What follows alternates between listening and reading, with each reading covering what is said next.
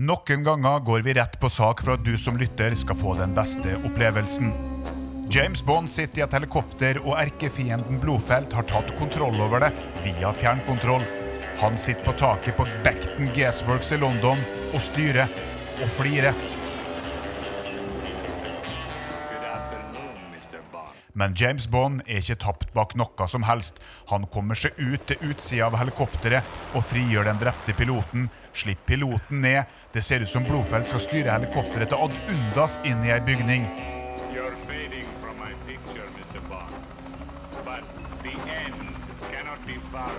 Bond får revet ut den røde ledninga, har kontroll over helikopteret, flyr i sirkler, sneier hodet til en skalla Blodfeld. Og jaggu det, han tupper Meia inn under rullestolen til Blodfeld, løfter han opp og flyr mot den store, kjente pipa, som var et landemerke i London på den tida filmen For Your Eyes Only kom ut. Og hva gjør Bond? Han bryr seg katta med skurkens liv. Han slipper ned.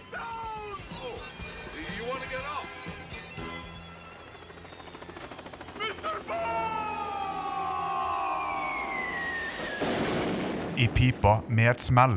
Men hvem i alle dager er det Ian Fleming hadde i tankene når han skrev James Bond? Og hva har det med Narvik og andre verdenskrig å gjøre? Dette er London. I dager som disse er det sikkert mange Denne episoden handler om Patrick Daisel Jobb, virkelighetens James Bond og andre verdenskrig. Jeg vet at jeg i denne sendingen når langt utover havet, vestover, der det ennå er kveld, Patrick Daisel Jobb gikk inn i historia som virkelighetens 007, eller James Bond. Men i den norske byen Narvik vil han for all fremtid bli huska som redningsmannen, den unge briten som brøyt alle ordrer, satt livet og hele sin militære karriere på spill og redda 4500 sivilister fra Luftwaffes bomberegn. Nå blir det jobba med en park til minne om Delsil Jobb og hans norske medsammensvorne, nemlig Narviks daværende ordfører Theodor Broch. Fascinerende og å, jeg som har vært James Bond-fan i hele mitt liv, og så får jeg nå i voksen alder Asbjørn, vite at Ian Fleming kanskje hadde en mann som opererte i Norge som sitt forbilde. Er det her ei skrøne, eller eh, kommer du med gode nyheter til meg nå? Nei da, dette er ingen skrøne eh, for mange nordmenn, og heller ikke noen eh, nyhet. Det har vært kjent i mange år. Men uh, nå kommer historien om Patrick Dalzell Jobb eh, virkelig fram fra glemselen. For uh, i Narvik kommune blir det konkret arbeidet med en minnepark.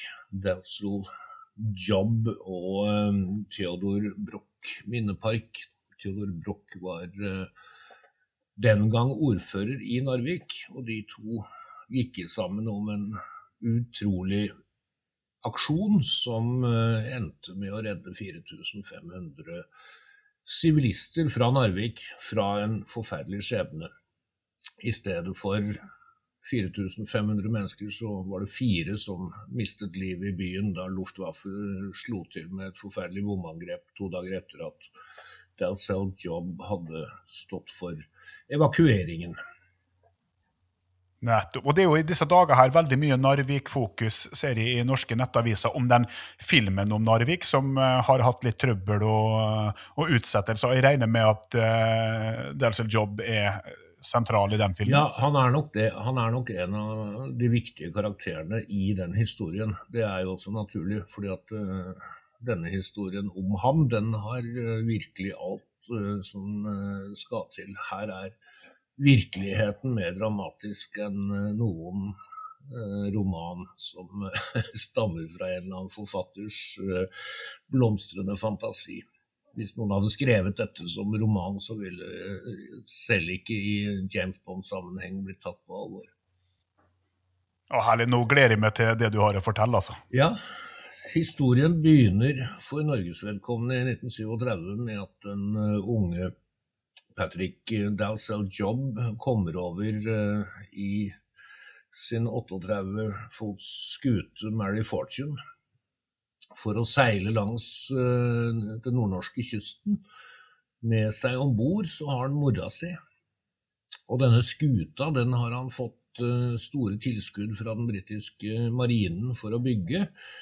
Eh, det var enighet der om at de trengte en som kunne gjøre seg kjent med norskekysten. Som kunne gå inn i alle de viktige buktene, vikene. Gjøre seg kjent med geografien. Måle dybden i vannet, eh, undersøke kaianlegg og sånne ting. Altså rett og slett fore eh, Rett og slett gjøre forberedelsene til eh, en krigssituasjon hvor den britiske marinen enten trengte steder i de norske fjordene hvor det gikk an å stikke seg unna tyskere, eller hvor de rett og slett kunne slå seg til hvis det var slik krigens utvikling hadde kommet til å bli. Nå var jo dette tre år før det overhodet var snakk om noen krig i Norge. Eh, årsaken til interessen for Norge skal ha vært at faren hans, eh, også en ivrig seiler, hadde tilbrakt eh, den siste sommeren av sitt liv langs nordnorskekysten og sendt en haug med postkort hjem. Han eh, ble innkalt til eh, militærtjeneste som offiser da den første verdenskrigen brøt løs og etterlot kona og lille Dalsell, lille Patrick, hjemme i England. Etter at han hadde reist, så fortsatte det i mange måneder å dukke opp eh, postkort fra Norge med en liten hilsen fra pappa, til tross for at eh, pappa faktisk stupte i Frankrike på slagmarken bare tre dager etter at han eh, var kommet til tjeneste. Så det var nok et uh, sentimentalt minne som først og fremst motiverte denne store norgesinteressen. Men Patrick var en gløgg fyr. Han var sosial. Han lærte seg fort å snakke norsk og komme i kontakt med befolkningen og kommunisere på deres måte.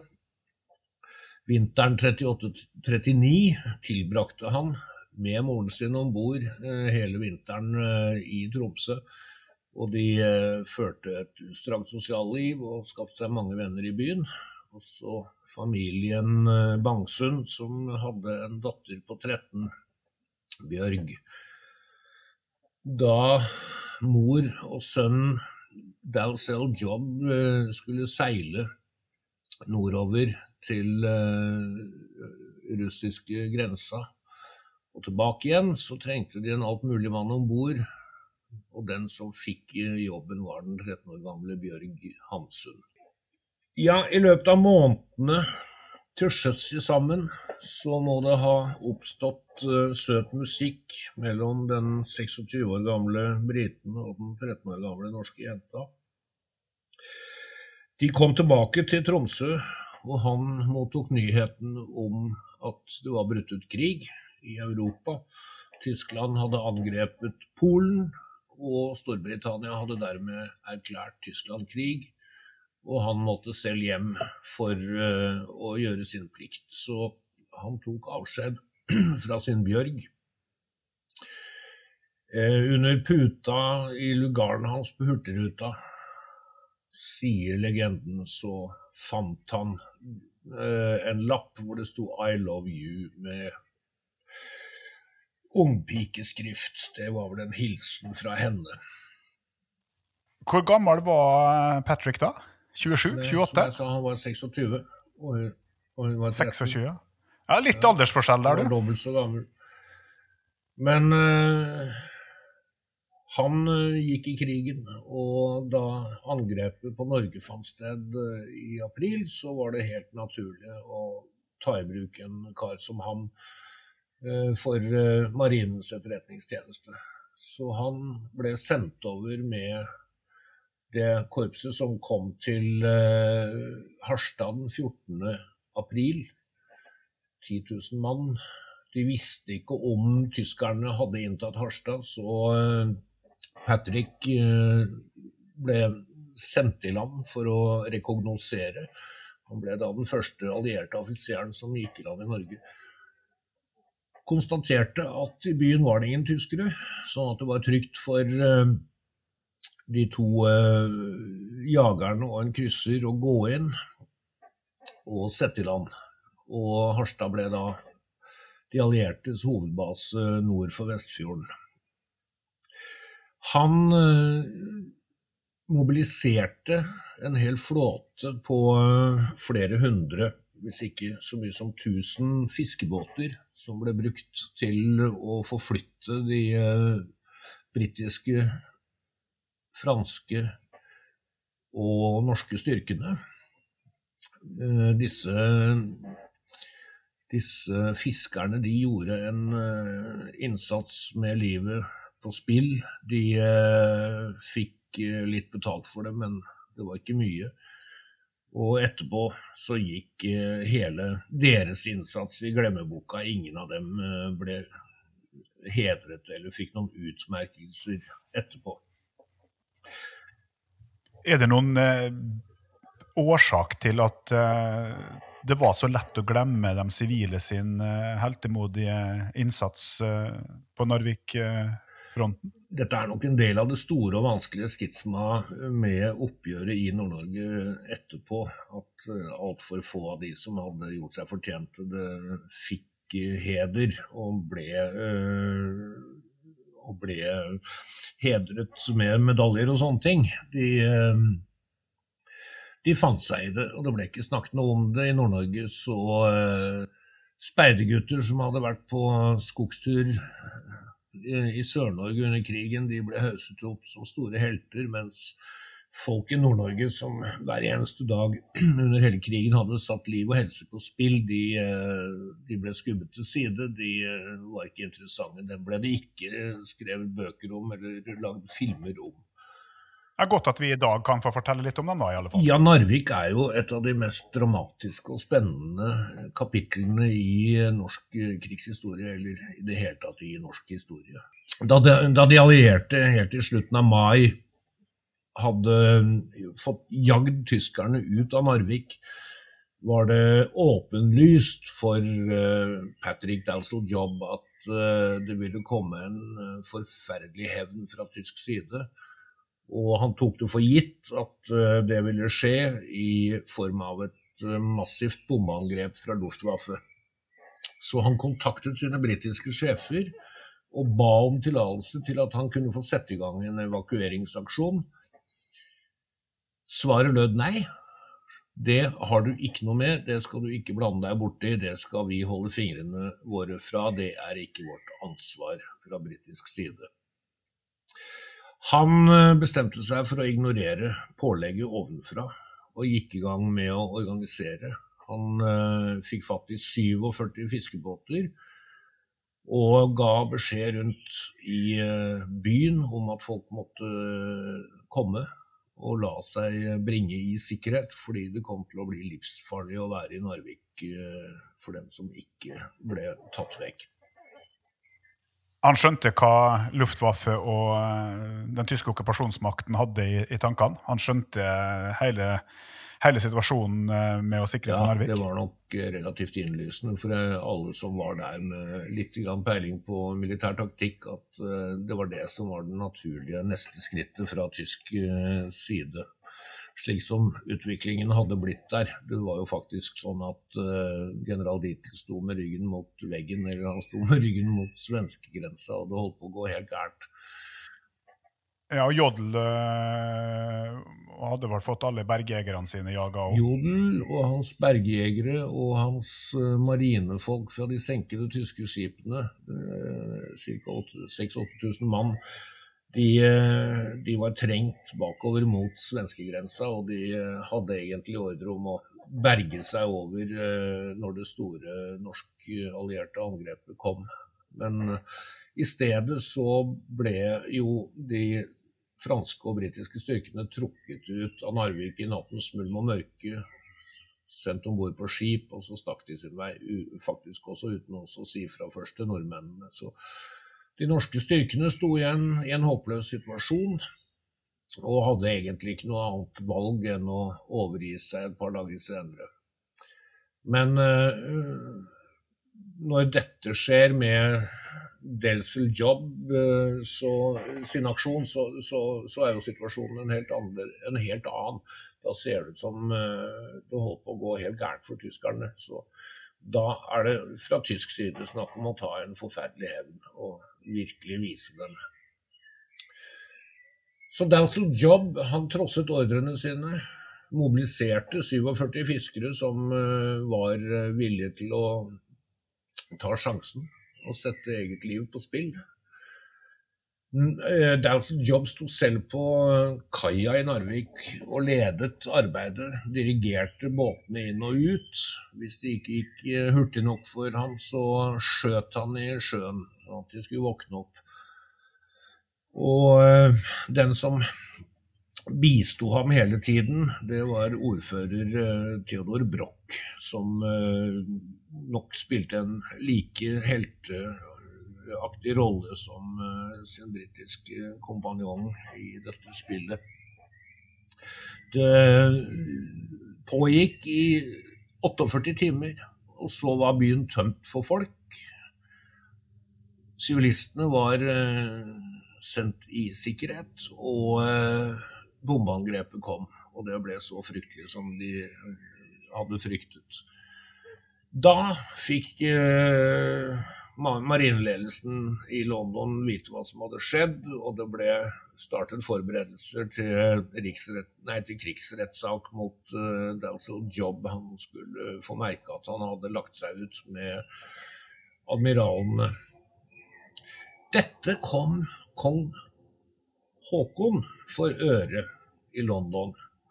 Og like før jul 1945 ble Dalsel Jobb eh, invitert til ham, og han ble slått til ridder av første klasse av St. Olavs orden. Det hang så høyt og var så viktig også sett med britiske øyne at det ikke lenger kunne være snakk om at uh, general, generalene eller admiralene kunne gjennomføre rettssaken. Men det var samtidig klart at selv om han slapp unna, så var hans uh, militære karriere sånn sett uh, smadret og ødelagt. Tror du Håkon der også mellom linjene takka på vegne av uh, nasjonen Norge? Ja, gjør det der? Det var akkurat det han gjorde. og han eh, gjorde det også klart at en mann som har ytet så mye for vårt fedreland, han er, vi vant, han er vi villig til å gå langt for å redde av kroken når han sjøl eh, har trøbbel pga. det han gjorde. Kong eh, Håkon visste godt hvordan han skulle gjøre sånt. Han var kjent for det. Smart trekk, absolutt. Dalsel Jobb han kom tilbake igjen til Norge flere ganger under krigen som agent og opplevde dramatiske ting. Han hoppet i fallskjerm, han var med på utvikling av mini-ubåter, bl.a. de som ble brukt til angrep på Tiripitz. Han eh, var jo kjent som et språkgeni. De sa at han snakket eh, flytende norsk, men han må også ha snakket flytende tysk og fransk. Det var ikke så rart, for han tilbrakte deler av oppveksten i Sveits. Han eh, ble sendt uh, i fallskjerm, kast, uh, hoppet i fallskjerm over uh, USA Beach under D-dagen sammen med amerikanske styrker. Og han var medlem i en spesialenhet som kom rasende rett bak frontsoldatene. Eller de til og med rykket fram før frontsoldatene, sånn at de tok seg inn dit på steder hvor de visste at det befant seg viktige ting som de gjerne ville ha fatt i og kontrollen over, og som det var deres jobb å hindre at uh, tyskerne i siste øyeblikk skulle få ødelagt selv. Så uh, i ettertid tok han i hvert fall uh, kreditten for å ha inntatt en hel våpenfabrikk i Köln, der hvor han fikk reddet både arbeidstegninger og prototyper og produksjonsmateriale, noe som var viktig for britene også for å kunne få kunnskaper om eh, forskning på dette området fra Det tredje rikets side. Da han kom til Bremen, så inntok han et verft eh, og fikk hindret ledelsen i å ødelegge både utstyret, men også det som var produsert der. Så i den forbindelsen eh, klarte de å beslaglegge 16 moderne ubåter og to kryssere som lå på reden og var ferdigbygde. Pluss masse annet forskningsmateriale som de hadde vært uh, ute etter. Så han uh, var jo sånn sett en uh, aktiv, hemmelig agent bak nazistenes linjer. Og det er helt tydelig at han har tatt enorme sjanser og risici for å kunne utføre jobben, men også for å kunne overleve den. Men hvilken agent, type agent vil du egentlig eh, betegne Delsel jobb for? For så vidt jeg har forstått, så var han også eh, veldig aktiv eh, 6. Eh, juni og utover 44 under Operation Overlord, eh, også kjent som, som D-dagen og D-dagene pluss. Var han en SOE-agent, eller var han en hemmelig agent, eller var han en spesialkommando, eller var han noe helt, helt for seg sjøl? Ja, dette var nok eh, spesialister som var satt sammen av folk med, med ulike kvaliteter og kvalifikasjoner.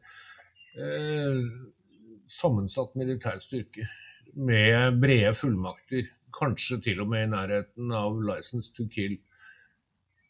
Eh, de har, de har Det er jo ganske mange som har, det er jo ganske mange som har i en krig. Ikke på denne måten. Hva snakker vi om da? Altså rett og slett uh, brutale, bestialske snikmord, eller? Ja, Det spørs hvilken side man ser det fra. Men uh, det virker på meg som, uh, som det ikke har vært noen regler for de guttene eller de karene der sånn. De, de var hensynsløse og gikk rett på. og hadde ikke veldig stor respekt for krigens lover, sånn sett. Det var Tenkte de på, sivile her? Var de retta mot å, å skåne sivile, eller var de også nådeløse der? De var sikkert nådeløse på, på, alle plan. Det var bare jobben og, og seieren over nazismen som spilte noen rolle for disse guttene. Det var ikke noe annet. Vet vi noe om D-daginnsatsen eh, og dagene i ettertid om uh, Patrick Telseljob? Nei, ikke annet enn at han, er, at han kommer farende sammen med de amerikanske styrkene og sikrer seg ting og saker. F.eks. Uh, passe på at uh, de ikke får sprengt elektrisitetsverket i den neste byen som skal besettes, eller vannverket for den saks skyld ting som gjør det ekstremt uh, ukomfortabelt for okkupantene i lang tid før de klarer å få sånt noe reparert. Det var sikkert sånne ting de også skulle gjøre. Historien har jo også en happy ending, da, fordi at uh, i 1945 så befant han seg i Tyskland, bak linjene. Han kom seg over til England så fort det gikk, og i Skottland så klarte han å skaffe seg plass om bord på et transportfly til Oslo. Så i mai 1945 landet han der. Og satt og telefonerte det meste av en dag før han klarte å komme gjennom til familien Bangsund i Tromsø. Hvor han fikk vite at Bjørg befant seg i Tønsberg. Så han dro med toget til Tønsberg og fant sin Bjørg. Og 19 dager senere ble de gift. Da var Bjørg i mellomtiden blitt 19 år gammel og voksen.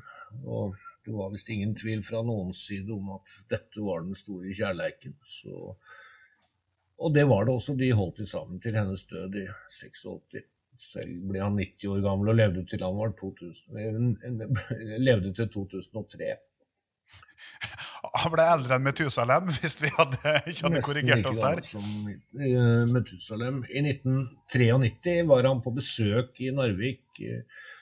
Han eh, møtte Theodor Broch og fikk tilbake døffelkåten sin som Theodor Broch hadde passet på i alle de årene som hadde gått siden. Fordi det var den han hadde hatt på seg i de 48 timene sammenhengende hvor han sto på kaia i Narvik og dirigerte båtene og folkene. Så den overlot han da straks til uh, krigsminnesamlinga i Narvik. Hvor den nå uh, har uh, blitt funnet fram igjen og gitt en eh, fin plass i samlingen. Eh, det jobbes med en park, som jeg nevnte, som skal være heder både for Theodor Broch og Patrick eh, Dalsell Jobb. Egentlig skulle den vært eh, åpnet allerede på slutten av inneværende år, 2020. Men pga. korona så har ting blitt eh, forsinket. Men jeg har akkurat snakket med museumsleder Ulf Eirik eh, Torgersen, som forsikrer om at prosessen er på stell. At det kommer til å bli en sånn park. En minnepark. Og kanskje til og med døpt etter uh, Dalzell Jobs og Broch. Jeg tipper at den på folkemunne kommer til å få navnet 007-parken eller noe sånt, og det får vi se på. Eller James Bond-parken? Selv ble Dalsell Jobs Jobb eh, ofte spurt om det virkelig var han som hadde vært Ian Flemmings eh, forbilde. Han eh, avviste det i mange år. Han avviste sågar at han hadde lest noen av bøkene eller sett noen av filmene. Men eh, da han og Bjørg fikk eh, sitt eneste barn, så ble sønnen dømt, døpt til Ian. Det er vel den skotske utgaven av Ian. Altså kanskje en hilsen til Ian Flemming likevel. Hvem vet. Han Det gjør jo historien bare mer spennende og fascinerende og det gjør det mystisk. også. Den, øh, den virkelige James Bond, eller øh, den James Bond som vi kjenner fra bøker og filmer Min James Bond øh, kommer alltid til å bli Sean Connery, selvfølgelig. Jeg kjenner folk som sier at deres James Bond alltid kommer til å bli Roger Moore. Eh, jeg vet ikke om det er noen som sier det samme om eh, Pierre eh, Brosnan eller Daniel Craig eller Timothy Dalton, men jeg våger å tvile. Felles for dem var i hvert fall at de feide over det som var på filmene, hvor kvinnene het ting som Electra King eller Honey Rider eller Pussy Gahore. Bare for å spore litt av eh, hvis du, Har du sett mye James Bond, du, Det er mange år siden. Ja, så du, du drar ikke hele rekka av eh, dem som har spilt uh, Nei, som James sagt, Bond? hvis jeg skal se om igjen en James Bond, så går jeg finner en med Sean Connery. Det er uh, min mann uh, i den rollen. Men Vil ikke forundre meg om du har møtt den også. jeg har faktisk møtt ham et par ganger, ja. Demmelig. Men da drar vi til Nå skal du få slippe å, å sitte Nei, nei, og kokettere. vi må, vi, vi må få landet historien om Bjørg og, og Yep. Dalzell Jobs uh, forhold til kvinner, fordi eh, der kan han ikke ha vært uh, Ian Flemmings forbilde. Han uh, var trofast overfor sin norske kone hele sitt liv, i hvert fall så vidt vi vet, og han ga aldri noen signaler om noe annet. Og i motsetning til uh, Sean Connery, som alltid uh, ba om å få den shaken, not stirred, så ville Patrick Dowsell Jobb uh, bare riste på hodet og si nei takk om noen skulle prøve å tilby han en drink, for han var hele sitt liv total avholdsmann, så det var heller ikke noe som kunne friste. Men linken til Ian Flemming, da? Kan du gå litt i dybden på det? Ian Flemming var sjefen hans uh, under mesteparten av krigen. Og de to var nok begge to så eksentriske og vanskelig å samarbeide med at uh, det ikke var spesielt god kjemi mellom dem. Men uh, et slags gjensidig respektforhold må de ha hatt.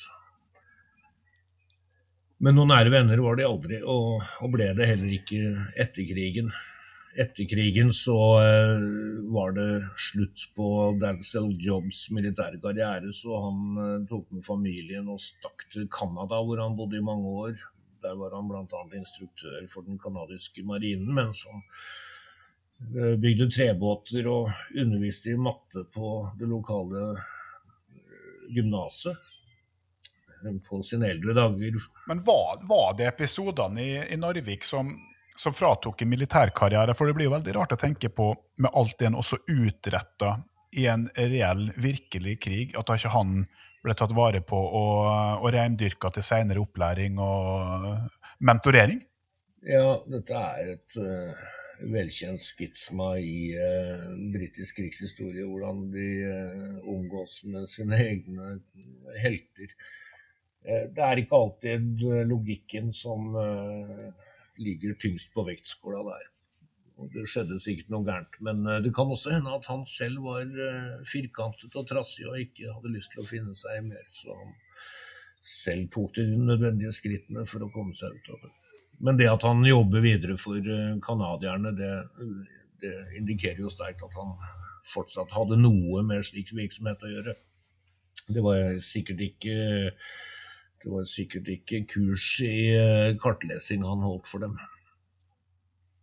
Vi blir iallfall veldig glad om eh, noen som hører på oss, vet mer om eh, Patrick Delsel Jobs, ikke vi har fått fortalt her. og de kan sende oss en e-post og, og, gi oss litt mer informasjon, så har vi alltids tid i en senere episode til å smette inn update om slike hederskarer eh, som det der.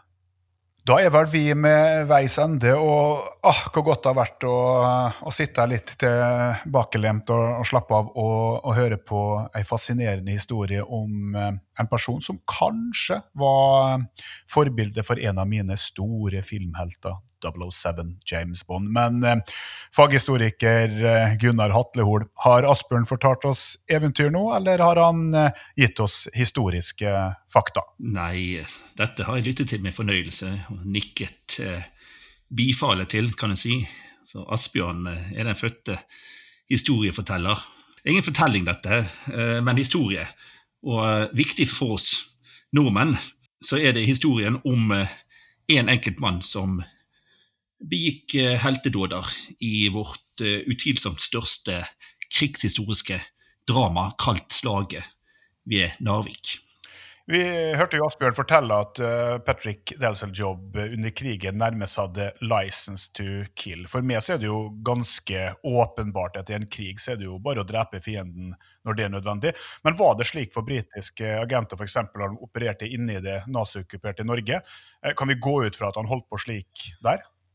Ja, altså Han hadde jo selvfølgelig 'license to kill' når han opererte i Norge.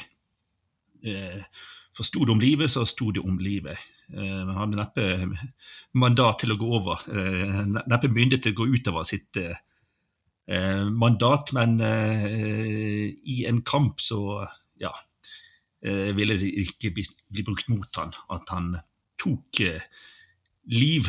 Nå må jeg jo legge til at nettopp Patrick Delsel Jobb hadde et stort fortrinn i forhold til andre eh, britiske agenter, nemlig i Norge, nemlig den at han eh, eh, norsk. Han snakket faktisk eh, mer eller mindre eh, perfekt norsk, eh, så godt at tyskere nærmest umulig kunne gjenkjenne ham som ikke-norsk.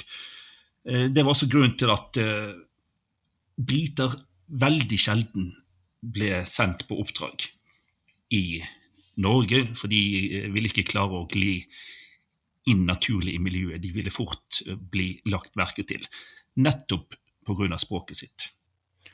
Vet du noe om hvilken dialekt han uh, prater når han prater norsk? Jeg skulle faktisk uh, ønske at jeg hadde møtt han mens han uh, levde, men dessverre, jeg har ikke hørt han snakke norsk, nei. Ja. Men uh, det også jeg lurer litt på her, er jo den linken til Ian Fleming og James Bond. Nå var det jo da slik at kodenavnet på oppdraget han hadde i Narvik, var 007.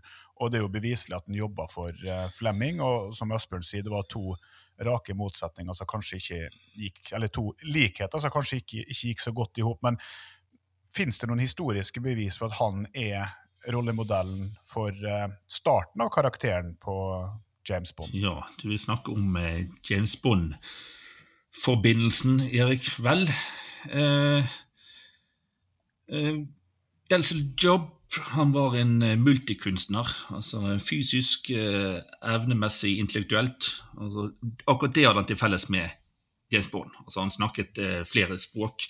I tillegg til norsk så snakket han tysk og fransk. Han hoppet i fallskjerm, dykket, kunne stå på ski baklengs. Han kunne faktisk operere alle, alle slags typer ja, han kunne faktisk operere alle slags typer fartøyer, til og med ubåter. Og eh, når vi i tillegg eh, tar med at han hadde kodenavnet 007, 007, eh, så er det litt for mange tilfeldige likheter.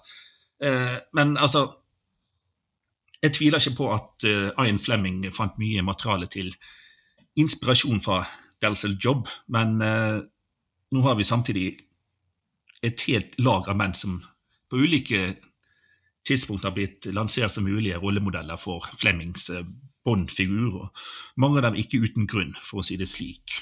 Eh, Bond, Bond, ja, Det er ikke så vanskelig å gjette seg frem til enkelte av de superskurkene der, og at og, det...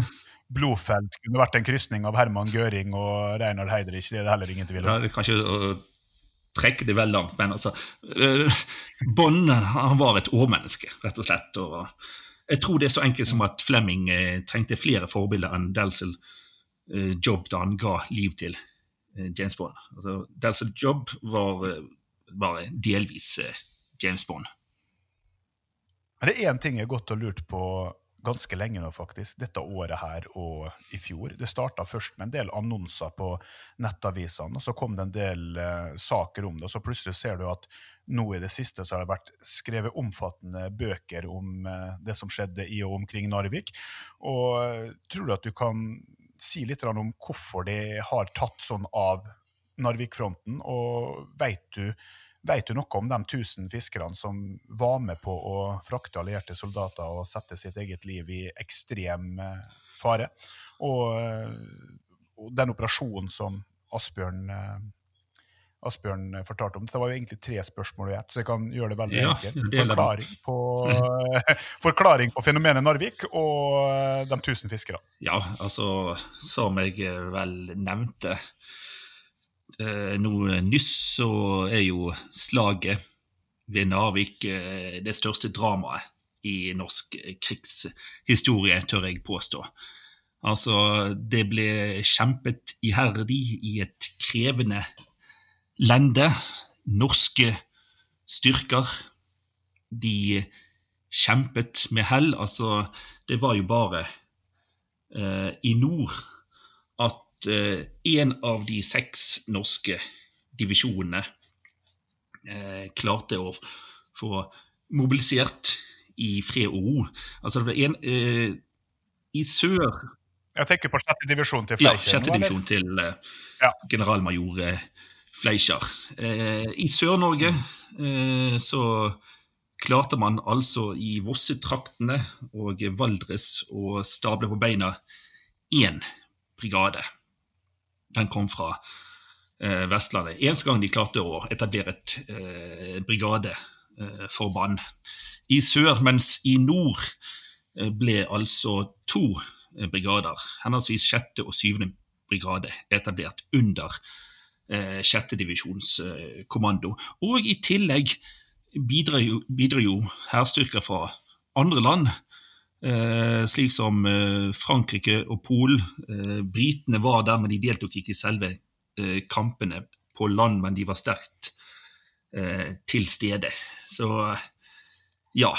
Det, det var det store eh, dramaet. De var så nær for, for første gang eh, nedkjempe og eh, utslette en eh, større tysk hærstyrke. Altså, det var ikke første gangen en eh, tysk styrke på land ble beseiret. Eh, slått i strid. Eh, det skjedde faktisk i løpet av eh, Tysklands invasjon av Polen, men eh, det var første gangen eh, en hærstyrke ble aktivt drevet langt tilbake. Og eh, eh, seieren var innenfor eh, rekkevidde, men så grep andre ytre eh, omstendigheter inn og for- forpurret det som kunne bli eh, eh, det virkelig strålende kapitlet i, i eh, eh, norsk krigsstorie. Men eh, det, det er et heltemodig eh, kapittel uansett. Så eh, derfor den store interessen. Det, det, det var eh, kamper eh, med en helt annen intensitet og form enn i øvrige deler av landet. Så med rette har jo eh, kampen om Narvik fått en helt spesiell plass. Eh, og Det er også det stedet som har gått inn i eh, gått inn på en ærerik måte i, i andre lands eh, krigshistorier. Eksempel hvis du eh, hvis du f.eks. beskuer eh, monumentet over den ukjente soldat i Warszawa sentrum, hvor de står, eh, to soldater, vakt døgnet rundt, så vil du finne Narvik risset inn. Så det er bare én indikator på hvilken plass eh, Narvik-felttoget har. har. Ja, I Frankrike så er det jo en hel rekke Ja. plasser som heter Narviks gate, Narviks plass, men i Norge så har vi ikke via det her noe særlig stor oppmerksomhet, og da passer det vel egentlig å, å spørre deg om at er det virkelig korrekt at eh, de eh, sivile fiskerne som eh, sørga for denne operasjonen der, overhodet ikke har blitt hedra i Det var den andre del av de ditt spørsmål, ja. Eh, jeg, jeg kjenner ikke detaljene til, det, til den historien, men eh, det, det som er veldig underkommunisert, og eh, jeg vil eh, si uh, altfor lite eh, påskjønnet, eh, også hva gjelder krigsdekorasjoner, det er innsatsen til eh, sivile nordmenn. eh, som eh, ble trommet sammen til et eh, stort og formidabelt hjelpeapparat, støtteapparat, som eh, ga eh, den norske hæren uvurderlig eh, bistand i ryggen eh, mens felttoget forløp. De har egentlig til dags dato ikke fått noen særlig plass i historieskrivningen, så der har vi et, et stort historieprosjekt som noen med, tid og stunder virkelig bør ta tak i. Otto Ruge, eh, Norges hærsjef og eh, forsvarssjef, han hadde jo eh, de sivile frivillige i tankene da han eh, i løpet av fel eh, underveis i felttoget lanserte eh, det han tenkte skulle bli Norges første krigsdekorasjon, for på det tidspunktet hadde Norge faktisk ennå ikke noen som helst krigsmedaljer, så han var jo godt klar over hvor viktig de sivile var. Som eh, ja, de sørget for eh, postgang, eh, matlaging, eh, ulik transport.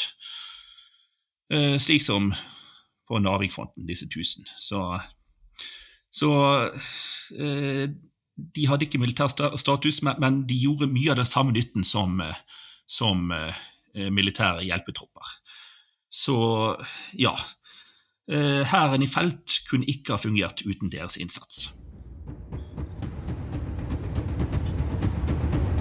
Jeg vet at jeg i denne sendingen når langt utover havet. Vestover, der det ennå er kveld,